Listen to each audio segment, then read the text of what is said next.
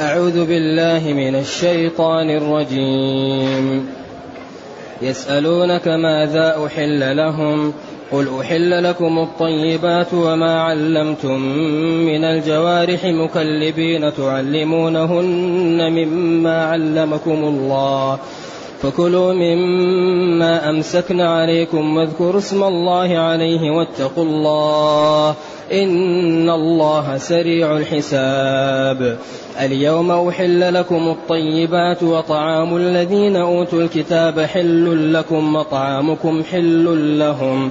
والمحصنات من المؤمنات والمحصنات من الذين أوتوا الكتاب من قبلكم إذا آتيتموهن أجورهن إذا آتيتموهن أجورهن محصنين غير مسافحين ولا متخذي أخدان.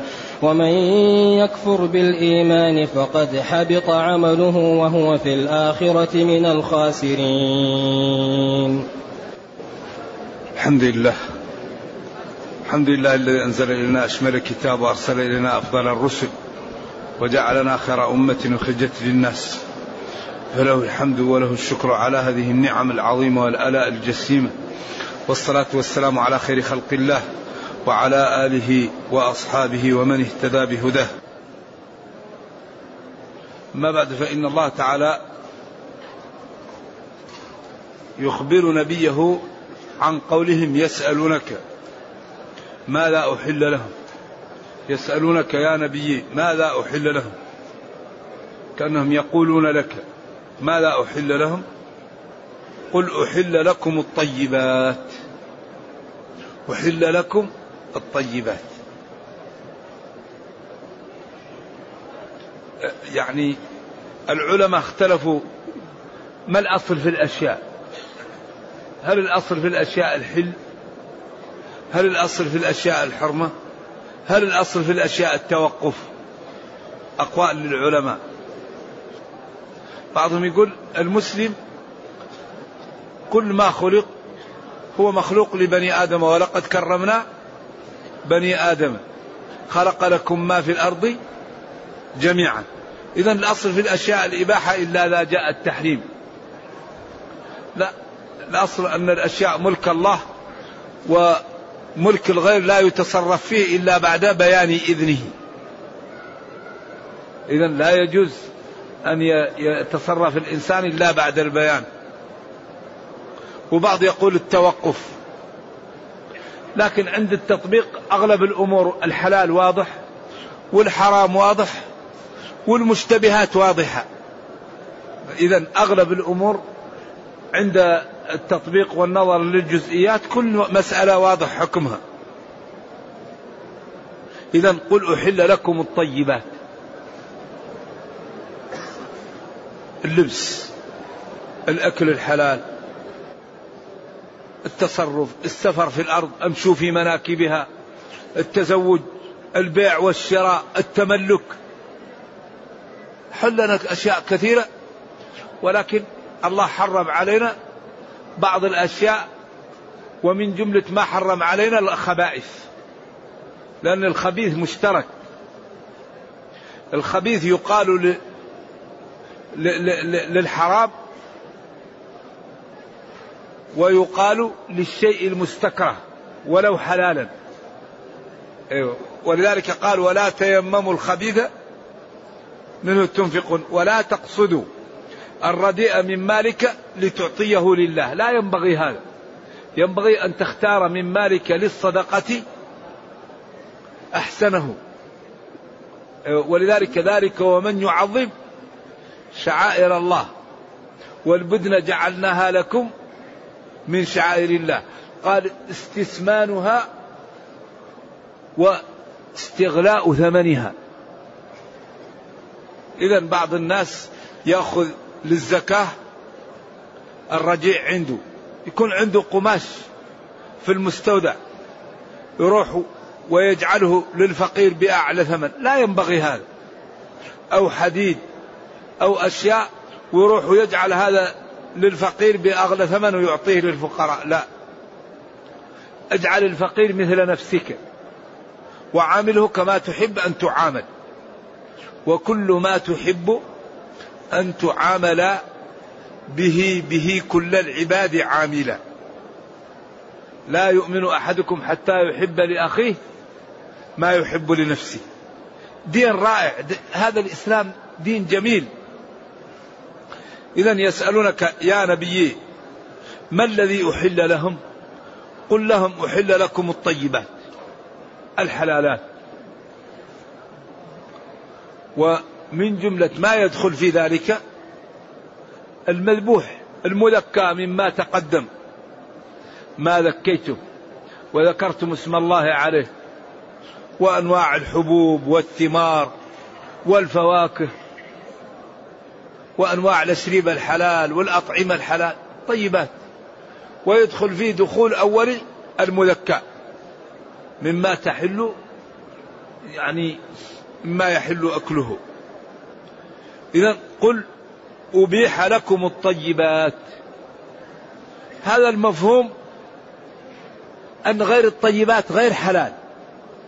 لذلك اختلفوا في الخنفساء والصراصير والعناكب والعقارب والافاعي وأشياء لا تنتهي.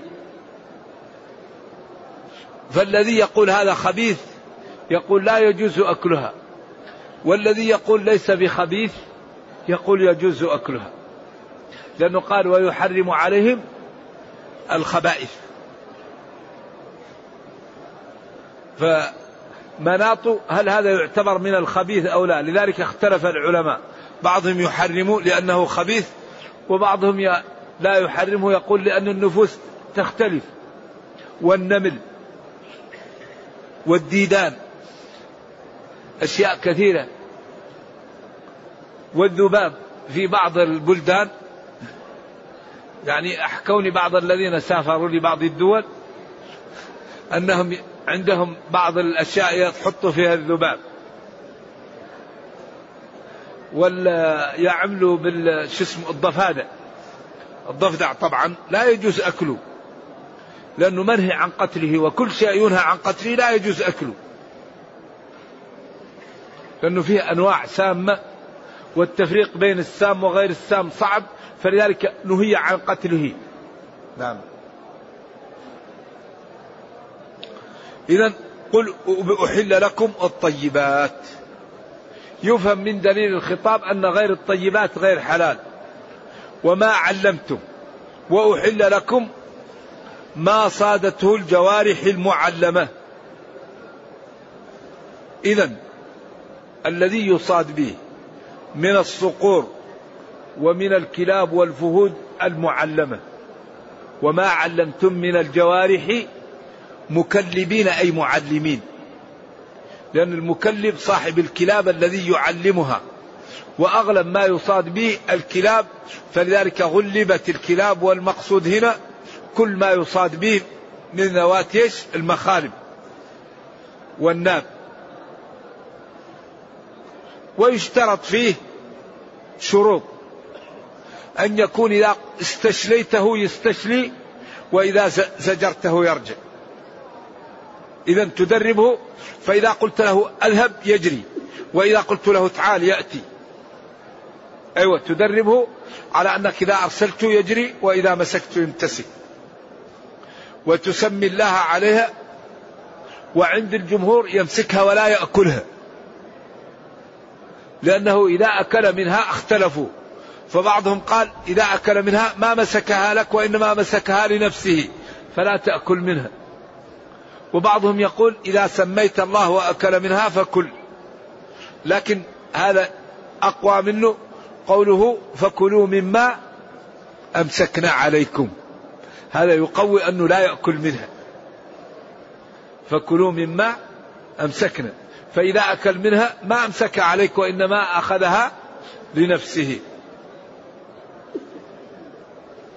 إذا وأحل لكم ما علمتم من الجوارح كالكلاب والفهود والصقور ونحو ذلك مما يدرب ويكون إذا أرسلته يمتثل وإذا زجرته يكف. مكلبين أي معلمين والمكلب معلم الكلاب. وأطلقت الكلاب على هؤلاء تغليبا. تعلمونهن مما علمكم الله. تعلمون الكلاب مما علمكم الله من الخبرة ومن التدريب لأن الإنسان هو أشرف الخلق. ولقد كرمنا بني آدم. وهنا وقفة خفيفة وهو بيان فضل العلم. لأن الكلب إذا علم تباح صيدته وكذلك الصقر. أيوة العلم يغير. لذلك هذه الكلاب إذا لم تعلم لا لا تحل صيدتها. وإذا أرسلت كلبك واشترك معه غيره فلا تأكل. لا تدري كلبك الذي سميت عليه هو الذي أخذها أم غيره. وإذا غاب عنك ولم تجد فيه إلا أثر كلبك وسميت الله عليه فكل. وإذا وقع في الماء فلا تأكله لأنه قد يكون قتله الماء. وكل هذا من الاحتياط. فإذا اشترك معه غير المعلم فلا تأكل. وإن غاب عنك ولم تجد فيه أثرا إلا أثر يعني الكلب الذي أرسلته فأكل. إذا لم يطل العهد. وإن وقع في الماء فلا تأكل. لا تدري هل قتله الكلب أو قتله الماء. احتياطا. فكلوا مما أمسكنا عليكم. كلوا هذا الأمر للإباحة. وللإرشاد. كلوا. مما أمسكنا عليكم هذه المدربات من الصقور ومن الكلاب وما ونحوها. واذكروا اسم الله عليه. يعني إذا أرسلته سم الله. قل بسم الله وبعدين تشليه عليه. واتقوا الله واجعلوا بينكم وبين عذاب الله وقاية. فإن اشترك معه غيره أو رأيتم أنه لم يقتله أو انه أو غير ذلك واتقوا الله. إن الله سريع الحساب. ثم قال اليوم في ذلك الوقت الآن أحل لكم الطيبات الحلالات. يحل لهم الطيبات ويحرم عليهم الخبائث. وما كل خبيث حرام لأن النبي صلى الله عليه وسلم ورد عنه كسب الحجام خبيث. ولكن آه، الحجام حجمه وأعطاه وقال زوجوه. والنبي صلى الله عليه وسلم لا يعطي الحرام لكن رديء وقال من أكل من هذه الشجرة الخبيثة فلا يقربن مسجدنا يؤذينا الثوم الذي يأكل الثوم لا يذهب للمسجد لأنه يؤذي المصلين فإن كان مريضا أو أكلها نسيانا فيصلي في بيته لا يصلي مع الناس ليؤذيها. ولذلك قالوا إن هذا نهي عن أكلها. فلا يقربن مسجدنا. والله يقول اركعوا مع الراكعين. إذا لا تأكلوا من هذه الشجرة الخبيثة. إلا إذا كان الإنسان مريض أو احتاج أو كان مسافرا. لأن المسافر أيوة تسقط عنه الجماعة. السفر حتى مسقط للجمعة. لأنه ينقص من الصلاة من الواجب. نعم. اليوم أحل لكم الطيبات الحلالات. وطعام الذين أوتوا الكتاب حل لكم. هذا ذبائحهم شبه إجماع على أن طعام أهل الكتاب في هذه الآية الذبائح. ذبائح أهل الكتاب. إذا ذبائح أهل الكتاب الذين يذبحونها على ما في كتبهم حلال بالإجماع ما في خلاف. لكن إذا أخذ الكتابي الدجاجة وسل عنقها هل نأكل أو لا نأكل؟ هذا في كتابهم لا يحل لهم. لكن ابن العربي قال والله ورد حكى عن بعض السلف والله لو رأيت الكتابية يسل عنق الدجاجة لأكلتها لأن الله يعلم خستهم وقال وطعام الذين أوتوا الكتاب حل لكم.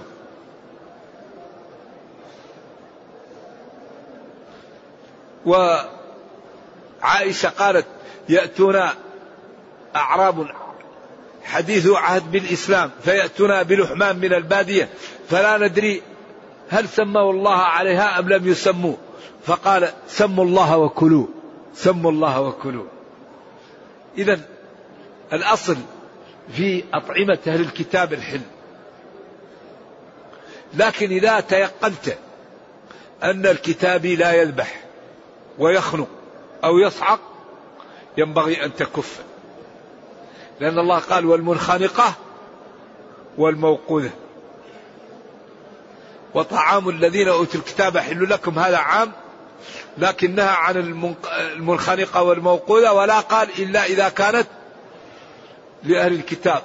و و والعلماء قالوا وطعام الذين أوتوا الكتاب أي ذبائحهم؟ ذبائحهم. إذا يجوز لنا أن نأكل ذبائح أهل الكتاب إذا عملوها على شرعهم. أما إذا خالفوا شرعهم. وخنقوها أو صعقوها فهذه الأولى أن لا تؤكل.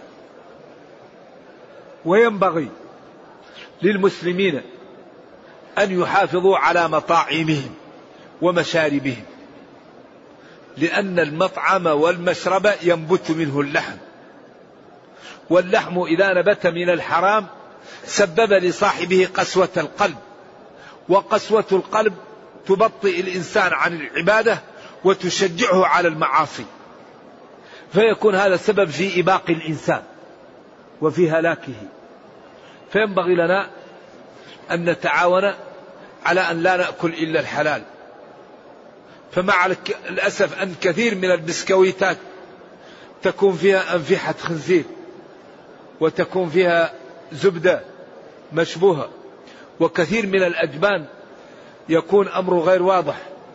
وكثير من اللحوم المستوردة الجهة التي تختم أحيانا تكون ضعيفة. فإذا أغريت ربما ختمت. نعم. وعندهم ختم مكتوب عليه مذبوح على الطريقة الإسلامية. فذلك ينبغي أن يتعاون المسلمون على الاهتمام باللحوم التي ترد بلاد المسلمين. ومما يتألم للمسلم أنك لو سافرت إلى بلاد بعيدة وفي رحلات يعني تمشي الطائرة فيها أكثر من عشر ساعات من غير أن تتوقف إذا قلت لهم أتوني بأكل المسلمين أحيانا يأتوك بلحم الخنزير لا يحترموك مع الأسف. وإذا قلت لهم ائتوني بأكل اليهود يخافوا. لأن أي يهودي توكله شريك الخنزير أو الميتة تقاضيه شركات اليهودية وتأخذ منه أموالا. فلذلك تخاف الشركات من أن تؤكل اليهود الميتة أو لحم الخنزير. لذلك ينبغي للمسلمين أن يهتموا بأن لا تؤكل رعاياهم إلا ما لا إلا الحلال وأن أي شريكة حاملة إذا أكلت مسلم الحرام أن تقاضى. وأن لا تترك حتى يخاف هؤلاء من أن يؤكلوا المسلمين الحرام. أحيانا تأتي لبعض بلاد المسلمين فتجد أن اللحوم الموجودة مشبوهة غير واضحة. تأتي من هنغاريا أو من بلاد شيوعية أو من بلاد لا تهتم ومجمدة وطريقها غير واضحة. لذلك أهيب بأهل الفضل والجدة وأهل السعة من المسلمين أن يهتموا بما يرد لبلاد المسلمين من اللحوم. وأن يتحققوا من تزكيته تزكية شرعية. لأن ذلك مما يسبب استجابة الدعوة وطهارة الجسم ولين القلب والتوجه إلى الله وأخطر ما ينال المسلم أكل الحرام. يقال إن أبا بكر رضي الله عنه كان له مولا وعمل رقيا غير شرعية في الجاهلية. وأعطوه أجرتها بعد الإسلام فأعطى منها شيئا لسيده فأكل أبو بكر من ذلك فلما أخبره استقاء أبو بكر يعني استفرغ حتى يخرج ما أكله لا قال لأني أخاف أن ينبت لحمي من هذا الحرام.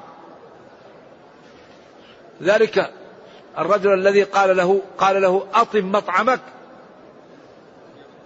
أيوة تستجب دعوته. الرجل يطيل السفر أشعث أغبر وأكله حرام ومشربه حرام وملبسه حرام وغذي بالحرام فأنا يستجاب لذلك. إذا من أكبر أسباب الاستجابة الاستقامة. الذي يستقيم يأكل الحلال ويشرب الحرام ولا ينظر إلى الحرام ولا يتكلم بالحرام. إذا سأل ربه أعطاه. أجيب دعوة الداعي إذا دعان إيش؟ فليستجيبوا لي وليؤمنوا بي. استجيبوا لي. يمتثلوا أمري. ويجتنبوا نهي وليؤمنوا بي. لعلهم يرشدون. إذا ينبغي أن نهتم بأن نأتي البيوت من أبوابها. نريد الجنة نأتيها من أبوابها. نريد العز نأتيه من أبوابه. نريد الورع نأتي من أبوابه. نريد العلم نأتي من أبوابه. نريد الغنى نأتي من أبوابه. وكل شيء له سبب. العزة لها ثمن. العلم له ثمن. التقى له ثمن. الوحدة لها ثمن. كل شيء له ثمن. وأنتم الآن هل رأيتم شخص امتلأ من العلم ولم يجد ذل الطلب ما يمكن من شرط العلم أن الإنسان يتغرب الرحلة الذي لا يرحل ما يمكن يكون عالم لا بد يتفرغ ويبتعد عن الأهل والأحبة والأوطان ويتحمل العري والجوع والعطش والتعب وعدم الراحة بعدين ينال إيش؟ عز العلم. الذي يذهب للسوق وينظر في الحرام ويتكلم بالحرام ويأكل الحرام. هل يأتي الورع في قلبه؟ ما يمكن. لكن الذي يغض بصره ويكف لسانه ويخاف الله ويكابد الطاعات يمتلئ قلبه من الورع. الذي يكرم الناس ويحبها ويتغاضى عنها ويرعى أحوالها تحبه وتدعو له. إذا كل شيء له ثمن. لذلك نحن إذا أردنا أن نكون في المكان اللائق بنا نقوم بالأسباب. لأن الله ربط بالكون إيش؟ بالأسباب. كل شيء له سبب. العزة لها سبب العلم له سبب الغنى له سبب التقى له سبب القوة لها سبب كل شيء له سبب. إذا ينبغي أن نقوم بالأسباب. ينبغي أن نهتم بالأسباب. وقل اعملوا وتعاونوا ولا تنازعوا اثبتوا وأعدوا. أوامر ونواهي معطلة سببت للأمة واقعها الحالي ولن يزول هذا الضعف إلا إذا غيرنا حالنا. إن الله لا يغير ما بقوم حتى يغيروا ما بأنفسهم. إذا يقول اليوم أحل لكم الطيبات الحلالات وطعام الذين أوتوا الكتاب حل لكم ذبائحهم وطعامكم حل لهم أي يجوز لكم أن تطعموهم من طعامكم. لأنهم هم الكافر ما ما يتوجه إليه التكليف إلا بعد الإيمان لأنه قبل الإيمان لا يقبل منه واختلفوا هل الكفار مخاطبون بفروع الشريعة أم غير مخاطبين.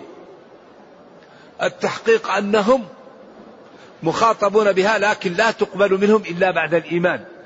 بدليل قوله تعالى ما سلككم في سقر قالوا ولم نكن نطعم. إطعام المسكين الذي لا يطعم المسكين لا يكفر. إذا الكافر مخاطب بفروع الشريعة لكن لا تقبل منه إلا بعد الإيمان. فأي عمل من شرط قبوله الإيمان. إذا يقول تعالى وطعامكم حل لهم أي يجوز لنا أن نطعمهم طعامنا. والمحصنات جمع محصنة من المؤمنات. وأحل لكم المحصنات من المؤمنات. المحصنات هنا هل العفائف؟ هل الحرائر؟ لأن الإحصان يقال للحرية. الإحصان يقال للعفة. الإحصان يقال للتزويج. الإحصان يقال للإسلام. فإذا أحصن فإن أتينا بفاحشة فعليهن نصف ما على المحصنات من العذاب. أيوه.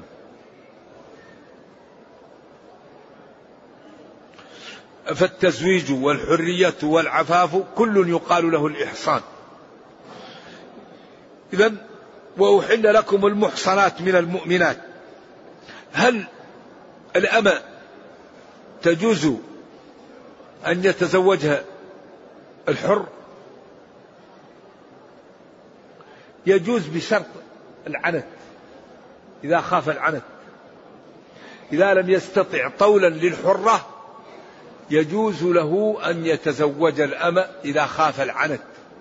خاف أن يقع في الحرام في الفاحشة. أما إذا لم يخف فلا يجوز له أن يتزوج الأمة لكي لا يبقى ولده رقيقا. لأن الولد يتبع من؟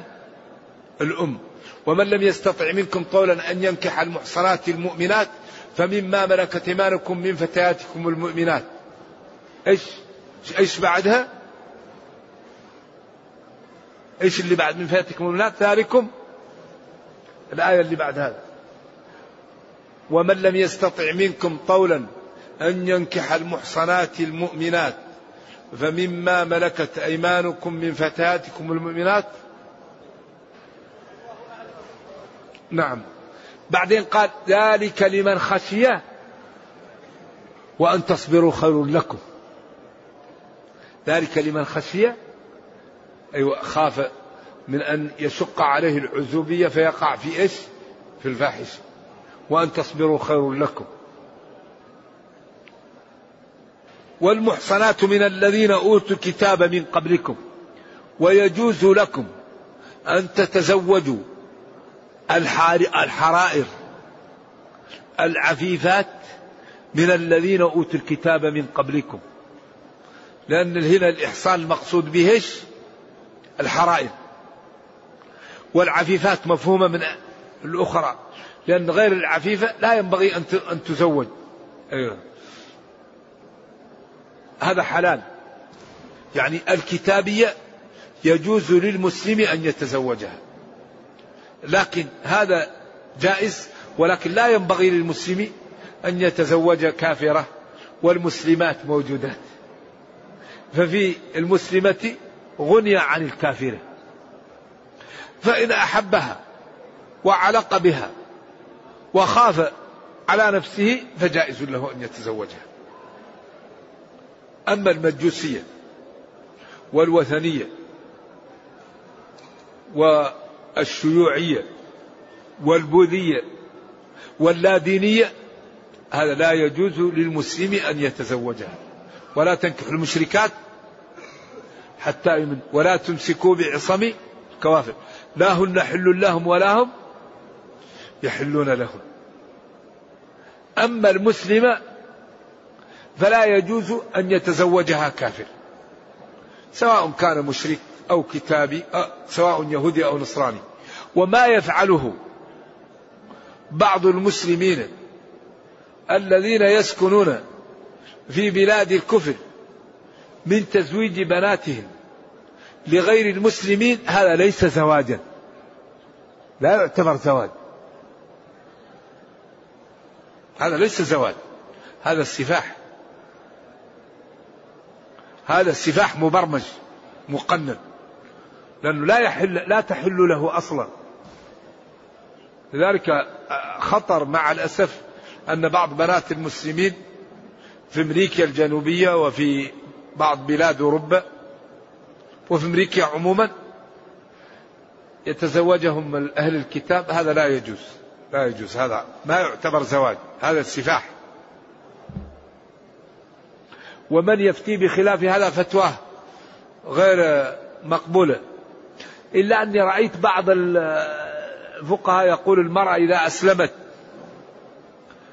وزوجها كتابي فإذا فرقت بينهم ربما تكفر هي فتترك لأن هذا يكون أخف الضررين. بدل من أن ترجع للكفر أخف من أن تكون تعمل تعاشره عشرة غير شرعية من أن تعود إلى الكفر. يكون هذا من باب ارتكاب أخف الضررين هذاك أمر آخر. المهم أنه ينبغي أن يشاع أن المسلمة لا يجوز لها أن تتزوج غير المسلم. لا تحل له أبدا. ولا تمسكوا بعصم كوافر. أما الكتابية إذا تزوجها المسلم فهو يردها للإسلام والرجال قوامون على النساء فإذا تزوج الكافر المسلمة أصبح على عليها وله السلطة عليها. ولن يجعل الله للكافرين على المؤمنين سبيلا. فلذلك لا يرضى الإسلام. الإسلام لا يرضى أن يكون الكافر له سبيل على الإسلام. لذلك الإسلام يعلو ولا يعلى عليه. لذلك لا بد أن يكون الإسلام هو العلو وإن وأنتم الأعلون إيش؟ إن كنتم مؤمنين. وأنتم الأعلون إن كنتم مؤمنين. وقال وتلك الأيام نداولها بين الناس. المسلم والكافر تكون بينهم الدولة لكن العاقبة لمن؟ العاقبة للمتقي العاقبة لدين الله العاقبة لمن اتقى الله العاقبة لمن عمل بشرع الله. إذا نحن نريد أن ننتصر نلتزم دين الله. نحن نريد أن يعزنا الله ننضوي تحت شرع الله. نحن نريد أن يدمر ربنا أعداءنا نطيع ربنا. أكبر طريق للعزة وللقوة وللمنعة ننضوي تحت شرع الله. لأن شرع الله يأمرنا بيش بعدم التنازع ولا تنازعوا. يأمرنا بالإعداد وأعدوا. يأمرنا بالثبات اثبتوا. يأمرنا بذكر, بذكر الله واذكروا الله. يأمرنا ب ب ب ب بأن نكون أقوياء يأمرنا بأن نتحد يأمرنا بأن لا نبطر بأن لا نظلم ولا تكونوا كالذين خرجوا من ديارهم بطرا ورياء الناس ينهانا عن أن عن إيش؟ عن أن نخلف الوعد، أن نظلم، واما تخافن من قوم خيانة فانبذ إليهم على سواء. لا لا لا تكون بينك وبينه عهد وتبيته وتغير عليه بدون ما تخبره، لا يجوز هذا. الإسلام لا يغش ابدا. إنك تأتي عدوك من المشركين إيش؟ فادعوهم إلى ثلاث خصال.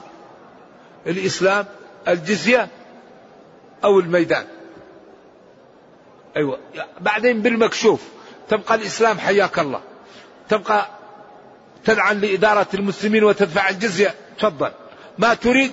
الميدان. فادعوهم إلى ثلاث خصال. ادعوهم. لذلك الإسلام لا يغش أبدا.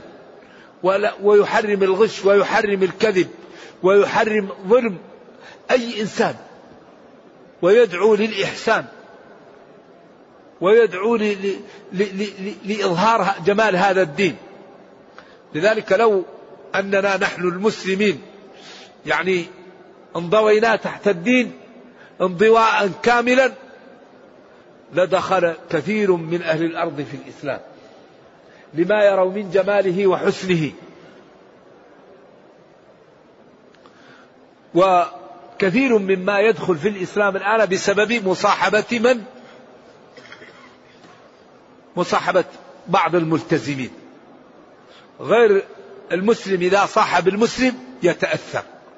الصلاة تؤثر الصوم يؤثر الطهارة تؤثر الصدق يؤثر غض البصر يؤثر الإحسان إلى الناس يؤثر. لذلك الدين كله دعوة. المحافظة من النجاسة تؤثر على الناس. بعض الناس دخل في الإسلام بسبب النظافة. قال هذا الدين اللي يدعو للنظافة هذا الإسلام عجيب فدرس عنه ودخل في الإسلام. أحد الأطباء دخل في الإسلام بسبب الصوم. جاءه رعاة وهم صائمون ومصابون بحمى شديدة وامتنعوا عن الشرب حتى غربت الشمس. فقال والله لأدرسن هذا الدين. هؤلاء رعاة في الخلاء لما لا يمتنعون عن الشرب؟ فدرس عن الإسلام ودخل في الإسلام بعد 35 سنة من الدراسة. إذا الدين كله دعوة الصوم الصلاة الطهارة الزكاة. أن تبر بوالديك أن تبر بجيرانك أن تحسن إلى أولادك إلى الآخرين. فالدين كله دعوة إلى الله. لذلك حري بنا أن نتمثل الدين وأن ندعو الناس للدين بأخلاقنا قبل أقوالنا.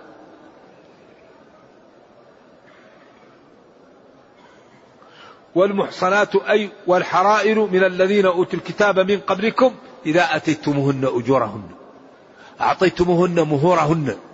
في حال كونكم متزوجين غير مسافحين غير زنا إذا تحل لكم الكتابية إن عقدتها عقد شرعي بولي ومهر وشهود وإيجاب وقبول. لا نكاح إلا بولي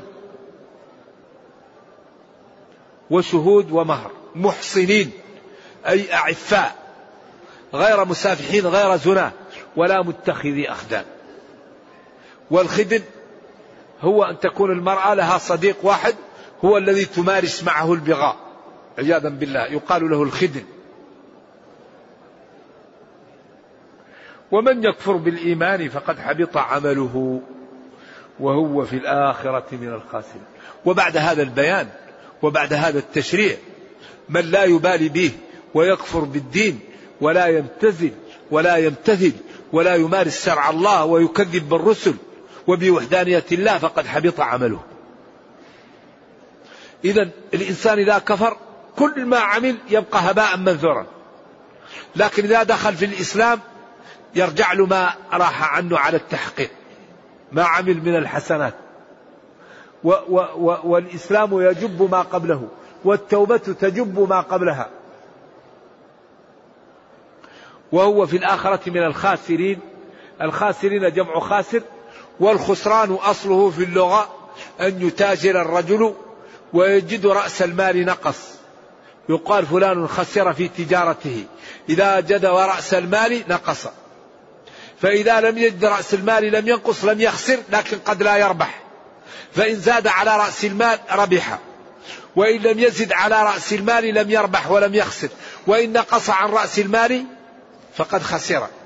والخسران أصله النقصان وأكبر خسارة أن لا يدخل المسلم الجنة يوم القيامة. لأن الله أعطاك رأس المال وهو العمر. وأعطاك العقل. وقال لك تاجر مع ربك. أعمل الطاعات واستقم وتب إلى الله ولا تعمل الحرام وهذا رأس المال. فإذا ضيع عمره ضاع. ولذلك قل إن الخاسرين الذين خسروا أنفسهم وأهليهم يوم القيامة ألا ذلك هو الخسران المبين. ضيع عمره ولم يطع الله ولم يعمل فيه فخسره. وورث أهل الجنة منزله في الجنة. وورث منزل من كان في علم الله أنه لو كفر من أهل النار فيقال له هذا منزل أهل الجنة في النار ورثته ومنزلك في الجنة ورثه أهل الجنة. الذين خسروا أنفسهم وأهليهم يوم القيامة ألا ذلك هو الخسران المبين. نرجو الله جل وعلا أن لا يجعلنا من أهل النار وأن يرينا الحق حقا ويرزقنا اتباعه وأن يرينا الباطل باطلا. ويرزقنا اجتنابه وأن لا يجعل الأمر ملتبسا علينا فنضل. اللهم إنا نسألك بأسمائك الحسنى وبصفاتك العلى أن تحفظ المسلمين في كل مكان وأن تحفظهم في هذا البلد. اللهم فرج عن إخواننا في غزة وفي فلسطين. اللهم ارفع عنهم ما حل بهم من البلاء. اللهم رد عنهم كيد أعدائهم. اللهم عليك بيهود ومن شايعهم. اللهم عليك بهم. اللهم إنهم لا يعجزونك. اللهم إنهم لا يعجزونك اللهم إنك قلت وقولك الحق أدعوني أستجب لكم. ندعوك ونتضرع لك أن تفرج عن إخواننا وأن ترفع عنهم ما حل بهم من البلاء. اللهم فرج عن المسلمين في كل مكان. اللهم وحد صفوف المسلمين. اللهم قوي شوكتهم. اللهم رد عنهم كيد أعدائهم. اللهم إنا نسألك الجنة ونعوذ بك من النار. ربنا أتنا في الدنيا حسنة وفي الآخرة حسنة وقنا عذاب النار. سبحان ربك رب العزة عما يصفون وسلام على المرسلين والحمد لله رب العالمين والسلام عليكم ورحمة الله وبركاته.